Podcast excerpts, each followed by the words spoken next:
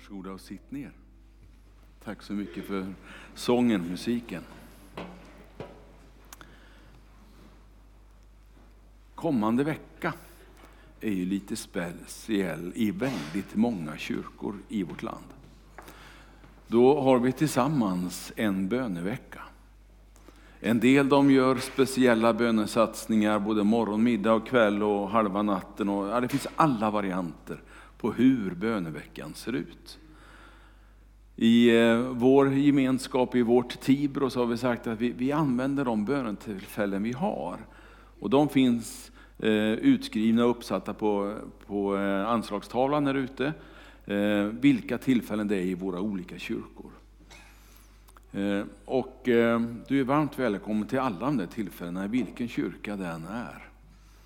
Eh, skulle det komma någon här på lördagskvällen som, jag tror inte att de andra kyrkorna annonserat våran lördagskväll, men det är så välkomna. Det gör ingenting om det kommer någon och ber till Gud i våran kyrka som inte tillhör den här kyrkan. Det är ju givet, eller hur? Men jag kom att tänka på det när jag satt här, att den kanske inte finns med på det, eh, på det schemat. Men all bön är till för allt Guds folk och alla människor. Det är min, min tanke. Ja, bön och bönesvar. Det där är inga enkla påståenden och funderingar. Jag har gått och tuggat på det här under några dagar och får bara mer och mer vånda. Vad har jag gett mig in på? Vi predikanter, och nu drar jag inte alla över en kam naturligtvis, men många av oss vi har ju en viss förkärlek för att lova saker och ting. Kom så blir allting bra. Be så får du svar. Stora löften. Och jag är så glad att det inte är jag som behöver stå för dem. De löften vi har i vår bibel, de står vår Herre för. Men jag får ibland problem när jag inte tycker att det blir som jag trodde att det skulle bli. Och det tänker jag ägna en del av, av den sista halvan av predikan åt. Men jag måste ju börja med lite grann tankar omkring bönen som sådan. När jag hade skrivit färdigt mitt utkast för idag eh, under gårdagen så tänkte jag, jag, jag måste, jag kan vänta lite, jag har ju ingen aning om vad Pelle sa förra söndagen. Jag var ju inte här själv. Och så kom nu den här, tänk om det är samma sak. Så jag satte mig och tittade igenom predikan. Och hans sju punkter, naturligtvis blir det en sammanvävning när vi talar om, om bönen, men det är inte samma sak alltihopa ändå. Jag vet inte vad du tänker på när vi börjar tala om bön. Det kanske är någonting som eh, du har prövat på några gånger, men du trodde det skulle bli mer. Eh, det blev inte som du hade tänkt dig. Så efter ett tag så trappades det ner eh, bönen. Och till slut så flöt det ut i sanden. Någon kanske funderar, ja, nej, jag har slutat att be för jag fick skuldkänslor för att jag bad för lite. Jag kan inte be. Jag hinner inte be. Det finns så många skuldkänslor som man kan få, men som man inte bör ha. Som det inte är tanken att du ska sitta med när du tänker på bön. Och visst är det märkligt när man ska be. Tänk vad mycket bra tankar man får om bilen då. Om trädgården. Tänk vad mycket idéer man kommer på hur man ska göra om hemma. Tänk vad telefonen ringer ofta. Just precis när jag ska sätta mig och be en stund. Tanken flyger iväg någon minut åt något helt annat håll. Jag kanske är ensam om det, men, men någon log lite grann såg jag i publiken här. Så att det är nog så att några känner igen sig. Det där med fokus kring bönen är inte alltid så enkelt. Och det är ju inte meningen heller att jag ska vara 100% koncentrerad på bön alltid. Jag ber bara när jag är i behovet av det, kanske någon tänker. Jag ber aftonbön varje kväll, det räcker väl? Jag svarar inte på det förstår du. För jag tycker det är fantastiskt att du ber aftonbön. Men kanske det finns ett djup som du inte upptäckte nu då. Jag har bett länge, men jag har ännu inte fått bönesvar. Jag har bett och väntat på bönesvar. Hur länge tycker du att jag ska vänta, kanske du funderar. Mm.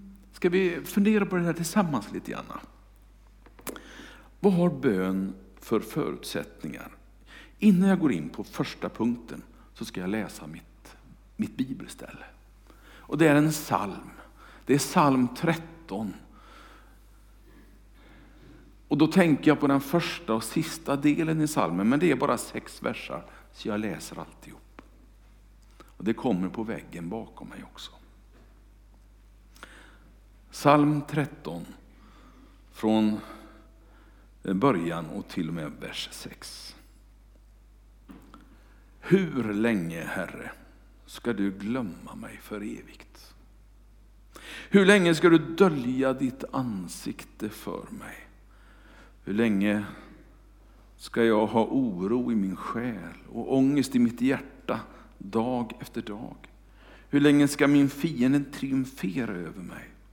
Se mig, svara mig, Herre min Gud, ge mina ögon ljus så att jag inte somnar in i döden. Låt inte min fiende säga att jag besegrade honom eller mina ovänner jubla när jag vacklar. När jag litar på din nåd. Mitt hjärta jublar över din frälsning. Jag vill sjunga till Herren, för han är god mot mig. Tycker du att det var ett dyster eh, psalm jag läste? Vem har sagt att livet bara är ett leende? Alltid. Har det varit så för dig så grattis och hela mitt hjärtas vägnar. Ofta är det så, det ska jag erkänna, men inte alltid. David var med om det här, han som skrev den här salmen. Han var med om tiden när han tyckte att Gud var både tyst och långt borta och frånvarande och livet var ett elände. Och jag vet inte hur mycket han sjöng då. Salmen kan ju något ge en, eh, ett vittnesbörd om att det var inte så lätt. Men glöm inte slutet på salmen. Men jag litar på din nåd. Mitt hjärta jublar över din frälsning. Och där vill jag börja bönetanken. Därför att hur det än ser ut, om livet är glädje och du fick besök ifrån Lotta lotteriet, vad det nu heter, det är inte Bingolott utan ja, det där andra lotteriet vet ni. De var ju här i, i Tibro i, i veckan har jag förstått. Och delade ut bilar och pengar och allt vad det nu är. Du kanske inte var den som fick besök. Jag fick inget i alla fall. Jag har inte ens en lott så det är inte mycket att undra på. Men, men det, det intressanta är ju liksom, vågar jag be ändå? Vågar jag tro på Gud ändå? Vågar jag lita på hans nåd i alla fall?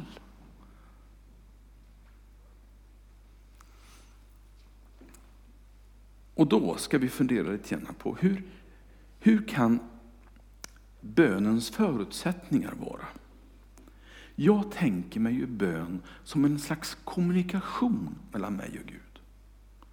Och den kan jag kommunicera på lite olika sätt. Jag kan sätta mig vid min dator eller med, med min, mm, min penna hemma och skriva en bön. Det är inte ofta jag gör, för det, det ligger inte nära mig kanske. Men jag vet de som skriver fantastiska böner. Det är helt okej okay, naturligtvis. Jag vet de som, som älskar att sjunga sin bön. Ja, det är samma sak. Det är ju inte riktigt min grej att sjunga. Men vet du, jag sjunger ändå. I mig i lovsången. Inte för att jag sjunger så vackert. Inte för att, annat än att det är Gud som är riktningen för min lovsång. En del säger att det är ett samtal. Att det är ett samtal mellan mig och himlen, mellan mig och skapelsens Herre, mellan mig och min frälsare, mellan mig och han som bor i mitt hjärtas innersta. Ett samtal med Gud. Ett samtal där du kan uttrycka dig precis som du vill. Där du inte behöver tänka på att det ska vara vackert, där du inte behöver tänka på att det ska vara långt, eller för den delen tänka på att det ska vara kort. Utan du bara får säga som det är. Gud, så här är det. Och ibland tänker jag när jag lyssnar på människor som inte har haft tron så länge i sitt liv, utan ganska kort tid. Vad fräscha böner det kommer. Vad glad jag blir i hjärtat över de där enkla, det är precis som ett samtal. Det är precis som om de skulle utgjuta sitt hjärta för någon nära vän. Och så kan jag tänka mig samtalet med Gud kan vara. Det är då när jag och Gud kommer varandra riktigt nära. Nära Jesus, nära varandra, nära vår omgivning, nära världen. Det är liksom det är bön i sin enklaste form. Uttryckt i en vision, uttryckt med några korta ord. Jesus, när han, när han bad så förstår jag att det var någonting som lärjungarna lyssnade på. De var uppmärksamma på, hur gör han? Och så sa de, Herre, vi hör att det, du ber på lite annorlunda sätt än när vi ber. Lär oss att be. Vad säger Jesus då? Jo, här är punkt ett. Eh, du ska vara fint klädd. Punkt två, du ska knäppa dina händer. Punkt tre, du ska blunda. Punkt fyra, du ska gärna sitta i lugn och ro. Punkt fem, eh, du kan gå ut i skogen om du... Nej, han säger, du ska be så här. Och så kommer det vi kallar för vår fader eller fader vår. Jag kan inte be, säger du. Där har du en fantastisk bön att be. Du kan slå upp den på nätet om du inte kan den utan till. Du kan hitta den i Bibeln om du vill ta den exakta ordalydelsen. Det finns många vägar att hitta den på, på det sättet. Men Gud blir lite mer personlig. Fader vår. Min far, pappa kan du hjälpa mig? Har du hört den förut? Som far. Mamma kan du hjälpa mig? När våra nyutflyttade barn ringde hem så var det någon gång till mig, men det var mest till mamma, till Ingrid och så frågade de hur gör jag sås? Hur är det si? Hur blir det så? Eh, för de visste att det kunde Ingrid och jag fick några frågor om elektricitet och kopplingar och sånt där. Eh, men det var viktiga frågor för dem och det händer att de ringer hem och frågar hur ska vi göra si och hur ska vi göra så. Så tror jag att Gud också önskar att du skulle höra av dig när du får problem, när du behöver någonting.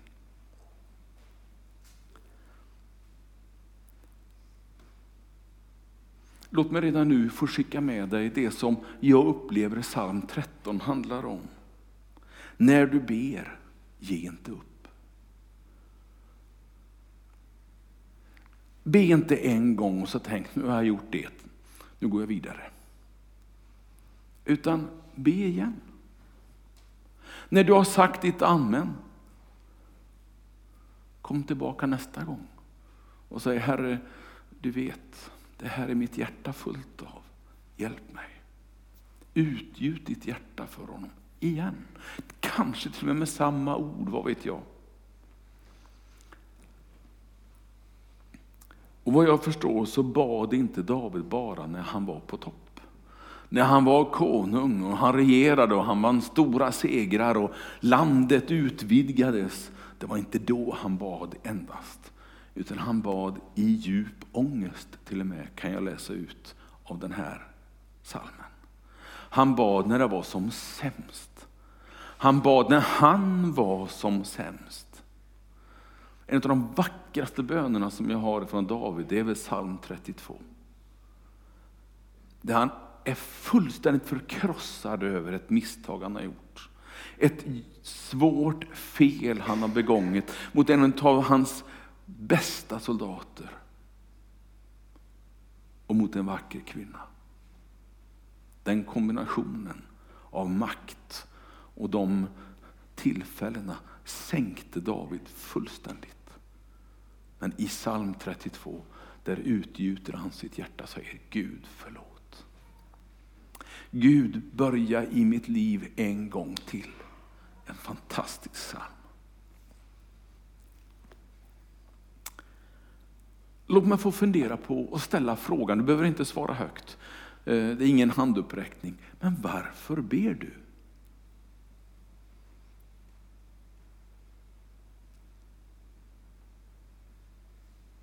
Varför ber du? Jag säger, jag har alltid gjort det. Ja, men får jag krafsa lite på ytan? Varför ber du? Jag frågar inte när, hur mycket, jag frågar ingen, utan bara varför. Några små funderingar om det. Ber du för att du behöver hjälp? Det är helt okej. Okay.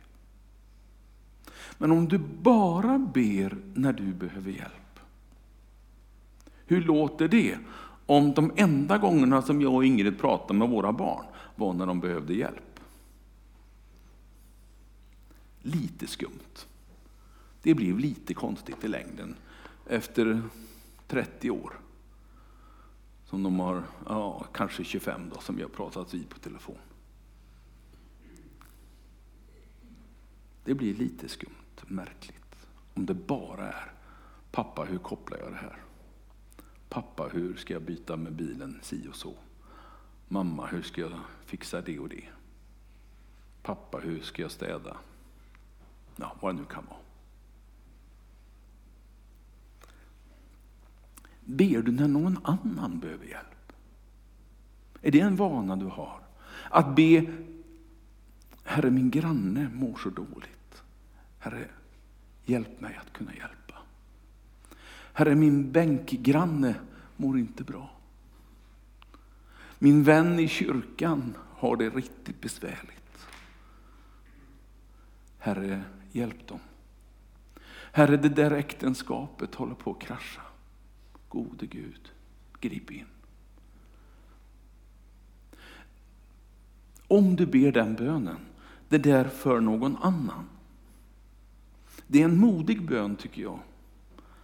Därför du ska veta att när Gud hör den bönen, och det tror vi att han gör, risken är att du är den som får gå ett steg till.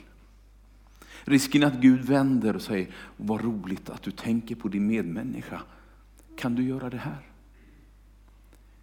Kan du ställa upp och göra det här för den personen? Du får bli bönesvaret till och med.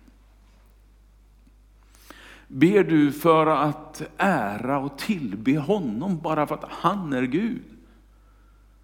Ber du för att lovprisa honom? Bara så här, du är fantastisk Herre. Tänk att du har gjort så här i mitt liv. Tänk att jag får vara med i en kyrka. Ja, den är inte fullständig riktigt än och inte fullkomlig heller. Och de som är där, de är inte heller så fullkomliga alla gånger. Men Herre, du är det. Och därför så tillber jag dig och inte pastorn i församlingen. Och inte församlingsledningen och inte medlemmarna. Utan jag tillber dig Herre. Är det därför du ber? Det finns så många tillfällen i livet när man kan be. Har du funderat någon gång på vad bönerna tar vägen? Har, har, har, du bett och det känns precis som om det trillar ner precis bara framför knäskålen när du sitter och ber? Ibland har jag gjort den bönen. Och jag känner det är, som, det, det, är som, det är som en betongvägg framför mig. Den går ingenstans. Ingen lyssnar. Ingen, ja, det, det är precis som en del sådana här sagoberättelser som det är bara mig det är synd om. Ingen tänker på mig. Man kan komma in i den där fasen i livet ibland. Men var tar bönen vägen?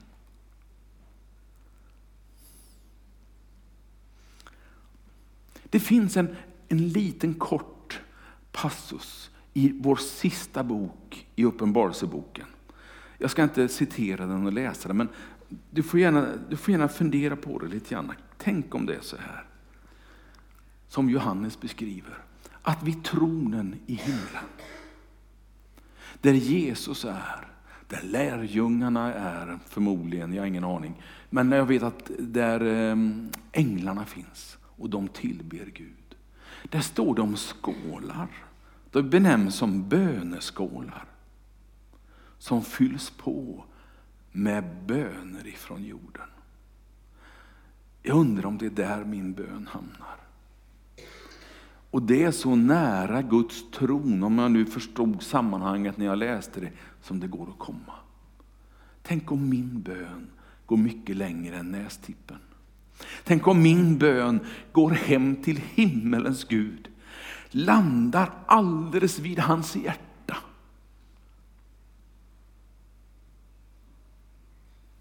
Han hör din bön. Den är registrerad i himmelen. Din bön den går inte bara ut i något tomt intet och försvinner för att aldrig uppmärksammas av någon. Den går hem till Gud själv. Där Jesus själv ber för sitt folk, för sina lärjungar. I den atmosfären landar din bön, när den än beds, vad den än handlar om, vem det än är du ber för eller med. Så går aldrig en bön Gud förbi som är riktad till honom. Och Det är så skönt att få påminna om den verkligheten. Bönen når mycket längre och mycket närmare Gud än vad vi ibland tror. Det kanske skulle skärpa till mig när jag ber ibland också. Jag vet inte om jag tänkte på det lite oftare. Så om det här med bönesvaret då. Tack för att du hänger med Alexander med bildbyte. Jag, jag blir lite inspirerad och då glömmer jag bort de där bilderna. Men tack för att du hänger med. Jo, om bönesvaret. Om det inte kommer när du väntar på det, vad gör du då? Ibland tycker man, Herre, nu, nu ber jag om det här och jag skulle behöva svar nu. Jag skulle behöva svar här. Och så får jag inte det. Vad händer med dig då? Vad händer med mig då? Vad händer i vårt liv då? Vad händer med våra tankar om Gud? Vad händer med våra tankar om bön?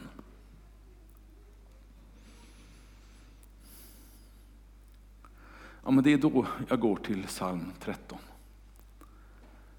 Ändå, Gud. Jag tror på din nåd ändå. Jag tror på din nåd i allas fall. Du är rik på allt, Gud. Kanske när du står i den där situationen och har bett för någon eller bett för något väldigt länge och du tycker det, det är lite stängt, brukar vi kunna säga att ibland det känns som. Dela det med någon då. Dela det med en vän. Dela det med någon som du, som du har förtroende för och säg att så här känns det. Och så får du, kan du få lite uppmuntran. Och jag tror vi är till för det, vi som går i kyrkan, vi som finns i Guds församling. Vi är till för att uppmuntra varandra till att fortsätta och be, bland annat. För det är så lätt att ge upp. Det är mycket lättare att ge upp än att fortsätta. Och Jag fattar inte varför det är så, men det känns som att ja, sån är jag i alla fall. Alltså dela din vånda med någon annan. Du kanske till och med upptäcker att din delade vånda blir en gemensam vånda. Du kanske får någonting tillbaka. Jag vet ju, jag har det här. Och så kan ni prata om det här och hur ni ska tillsammans gå vidare.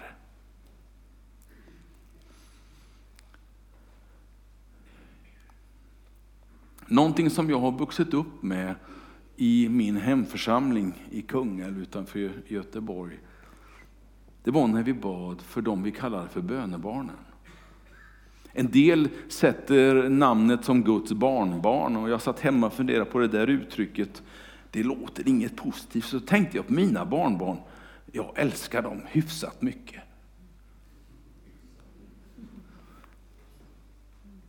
Gör du det också, du som har barnbarn? Älskar du dina barnbarn? Ja, men då gör det nog ingenting att kalla någon för Guds barnbarn. För Gud älskar den personen. Alltså jag tänker på de här, de här som finns, som dels är bokstavligt mina barn, som är bokstavligt talat våra barn, som vi ber för, bönebarnen. Och jag skulle vilja uppmuntra dig. Fortsätt att be. Ge inte upp. För den bönen, var var det den hamnade någonstans? I tvättstugan? Nej. I garaget? Nej. På en hylla någonstans? Nej. Vid Guds hjärta. Där hamnar bönen. Och där liksom finns den och påminner Gud om. Gud känner dens närvaro. Och jag är så övertygad om att den kan inte bara finnas där utan att det händer något. Det blir någon action av det, men jag fattar inte alltid vad det är. Jag ser inte alltid det som händer. Jag har inte den insynen i den himmelska världen som jag ibland skulle önska. Men jag är så övertygad om att när väl bönen är där, då händer det någonting också. Men så är det med Gud. Att Gud, han har ju inte tid och rum som vi har. Jag förstår när jag läser min bibel att Gud är liksom utanför tid och rum. För han har skapat tid och rum. Och då kan han inte vara en del av det. Utan han är utanför tid och rum. Och därför så, det där med bönesvar och tidsperspektiv. För Gud är bönesvaret omedelbart. För honom finns det bara ett enda nu. Han bara är, står det. Han presenterar sig själv som jag är, säger han. Till Mose bland annat. Jesus säger det till lärjungarna. Jag är, säger han. Så därför så finns inte den där vänta-aspekten när Gud ser på det du ber om. Utan i Gud i sin, i sin fantastiska ställning, han har liksom bestämt att bönesvaret, ja, det är nu. Och du och jag upplever det som kanske minuter, timmar, dagar, år. Men för Gud så är. Så att vänta på bönesvaret, det är liksom det du och jag har att kämpa med. Gud kämpar inte med det. Och därför så står det när Daniel bad, du vet Daniel i lejongropen, honom har du hört talas om antar jag. Han bad, står det en gång. Han bad länge, han bad mycket. Han var förtvivlad över en viss situation. Och han bad. Och till slut så kommer det en ängel till honom och säger Daniel, var lugn. Redan från din första bön så utgick orden ifrån Gud. Och det har skänkt mitt hjärta tröst ibland. När jag ber så händer det någonting i himlen.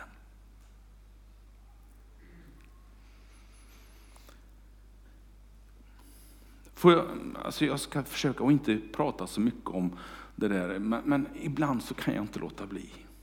Kommer ni ihåg hösten 2017? Bad ni för eran pastor då? Mer än en gång? Fick du bönesvar på stubben då? Nej, det fick du inte. Men faktum är att han står här idag. Så något slags bönesvar fick vi. Men inte det där. Och vilket som är mest fantastiskt, vilket som är det största miraklet, det kan jag inte avgöra. Om det är att det ändå blev bra. Men lite otåliga var vi, både du och jag. Lite konstigt kändes det att be och sen så, ja imorgon får du åka hem. Ja tack och lov, underbart. Nu får jag åka hem i oktober. Och så var jag hemma tio timmar, fem timmar och så tillbaka in till sjukan igen. Lika illa igen. Och så höll jag på sådär några gånger. Och modet åkte upp och modet åkte ner. Och ni bad och jag tackade Gud och bad på mitt sätt i min säng.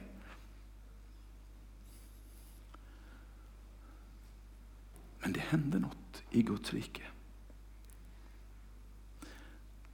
Gud gav mig ett tålamod som jag är helt fascinerad över. Gud gav dig ett tålamod att hålla på. Ni bad ju en hel termin. Alltså jag beundrar er för det. Du är visst uthållig. Du är visst fantastisk i din bön. Och jag tror att när vi ber för varandra så händer det mer än vad vi tror. När du ber för ditt bönebarn, när du ber för någon som har varit sjuk. Det står ingenstans att du ska ge upp efter fem gånger. Det står ingenstans att du ska ge upp efter fem dagar, efter fem år. Det står, var uthållig i din bön, står det.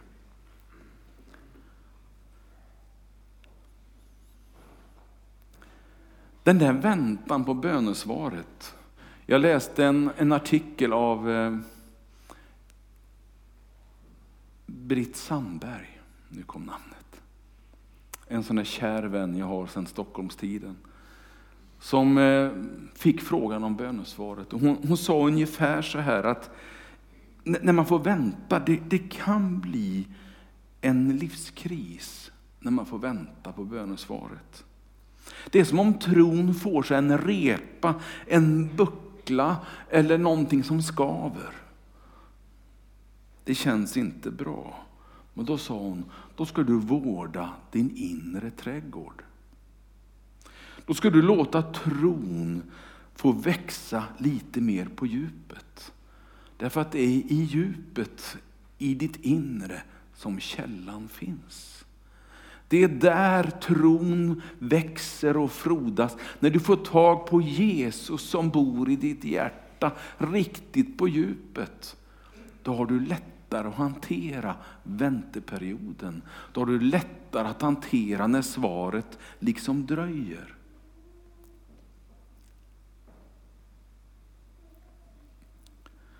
Att få vänta på bönesvaret, ändrar det på Guds löften? Om Gud har lovat en sak och jag får vänta på uppfyllelsen av det, innebär det att Gud har ändrat på sig då? Jag tror inte det. Men ibland kan jag vara så otålig. Ibland kan jag vara så otålig så jag nästan skäms. Men sån är jag. Jag får lära mig att hantera det. Och jag får försöka vaka över så att det inte blir för tydligt. Så att inte ni behöver möta det för ofta. Men jag tror på Guds löften. Jag tror på honom när han säger, jag hör dig när jag ber. Be så ska du få.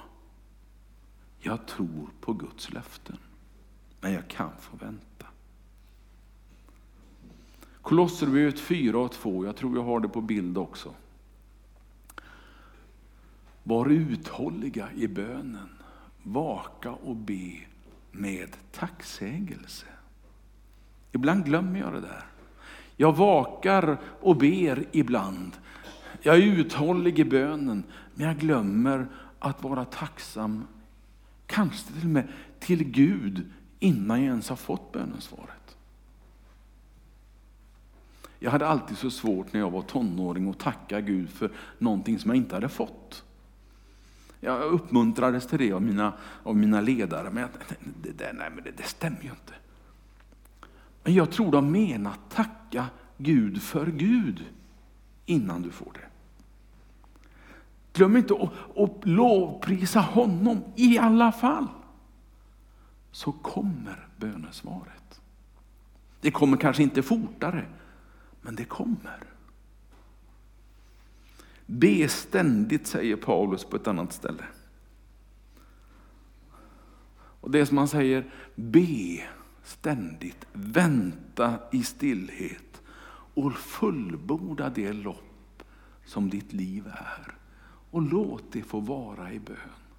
Alla kan inte be jämt, jag vet det, det där bokstavliga att alltid be, det är ju ganska få. Jag kan inte heller, jag måste ju syssla med lite eh, skrivande och lite siffror och ja, du vet, jag måste göra någonting annat också. Men visst kan vi be ganska ofta. Vi kan be en kort bön när vi väntar på bussen. Vi kan be en kort bön hemma när vi eh, väntar på att potäterna ska koka. Eller vad det nu än är vi är någonstans. En kort bön kan man alltid skicka iväg och säga Gud, jag blir påminn om det här igen. Hjälp mig Herre. Det är också att be. Så när du ber, tro på Guds löften. Tro på hans möjligheter. Och be om dessutom tålamod. För bönesvaret kommer. Även om bönen ibland känns långt bort. Bönesvaret är långt borta. Låt det här få bli en predikan av uppmuntran. Och vill du så ber vi gärna tillsammans med dig på ort och ställe. Här finns det en, en vacker ljusbärare som eh, man kan ta ett ljus, hämta från lågan i mitten och så be en liten bön. Du kan komma fram här tillsammans med, med Patrik och Patrik som eh, kommer att eh, vara förebedjare idag. Du kan tala om för dem, hjälp mig att be om det här. Hjälp mig att be si. Hjälp mig för det här. Och vi gör så gott vi kan.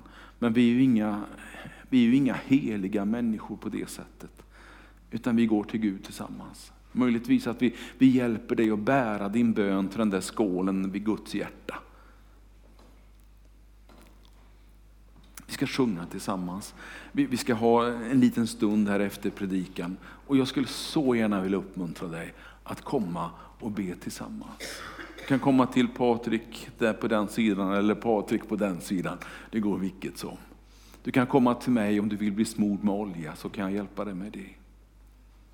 Låt oss ha en stund i lovprisning och bön innan vi går iväg till kaffet så småningom. Varsågoda. Vi